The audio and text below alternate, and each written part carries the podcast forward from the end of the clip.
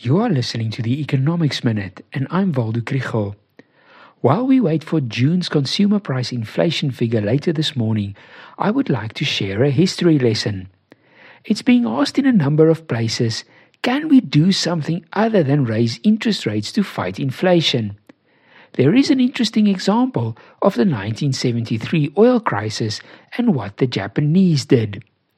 This episode is supported by Economic Research Southern Africa and the NWU Business School.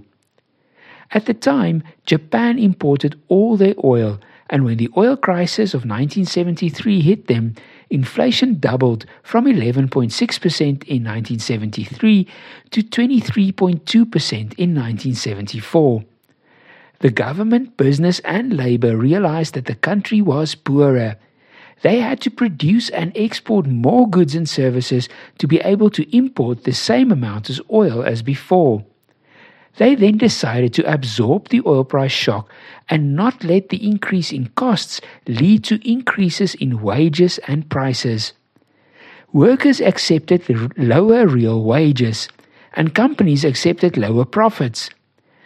In this way, they prevented the price shock from becoming an inflationary process and in 1975, the inflation rate was back at 11.8%. So, yes, there are other ways of fighting inflation than higher interest rates, but this too also comes with a price.